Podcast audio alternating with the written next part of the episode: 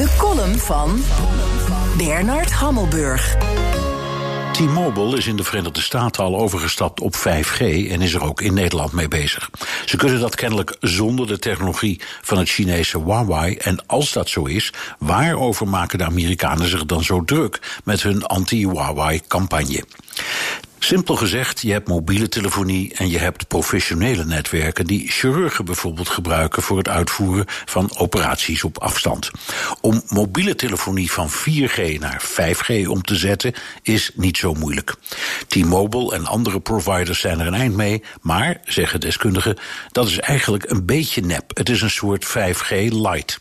De professionele netwerken, dat is andere koek en daar ligt Huawei inderdaad voor op concurrenten zoals Ericsson En Nokia. Dat de Britten toch met Huawei in zee willen, heeft geleid tot dreigementen met hel en verdoemenis van de regering Trump. Zijn ministers Pompeo van Buitenlandse Zaken en Esper van Defensie herhaalden hun waarschuwingen deze week nog eens.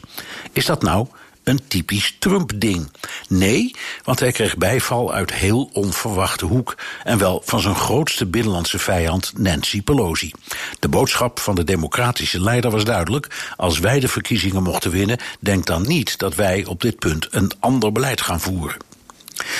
De overtuiging dat de Chinezen maar één ding willen: doordringen tot de meest vertrouwelijke en geheime informatie van de westerse wereld en die systematisch jatten of misbruiken, is onder Amerikanen algemeen.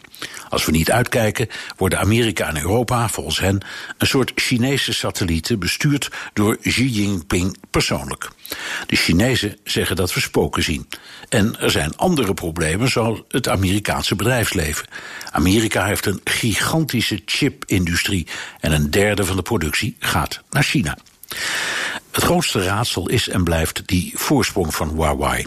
Is de rest van de wereld met zijn techgenieën in bijvoorbeeld Californië, Rusland, Scandinavië, India en Israël nou echt niet in staat even een paar nachtjes door te halen en bij al die providers een USB-sticky langs te brengen met mooie, veilige 5G-technologie?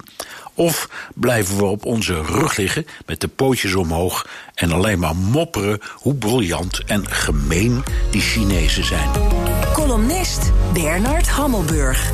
Terugluisteren? Ga naar bnr.nl of de BNR-app. En daar vindt u ook alle podcasts.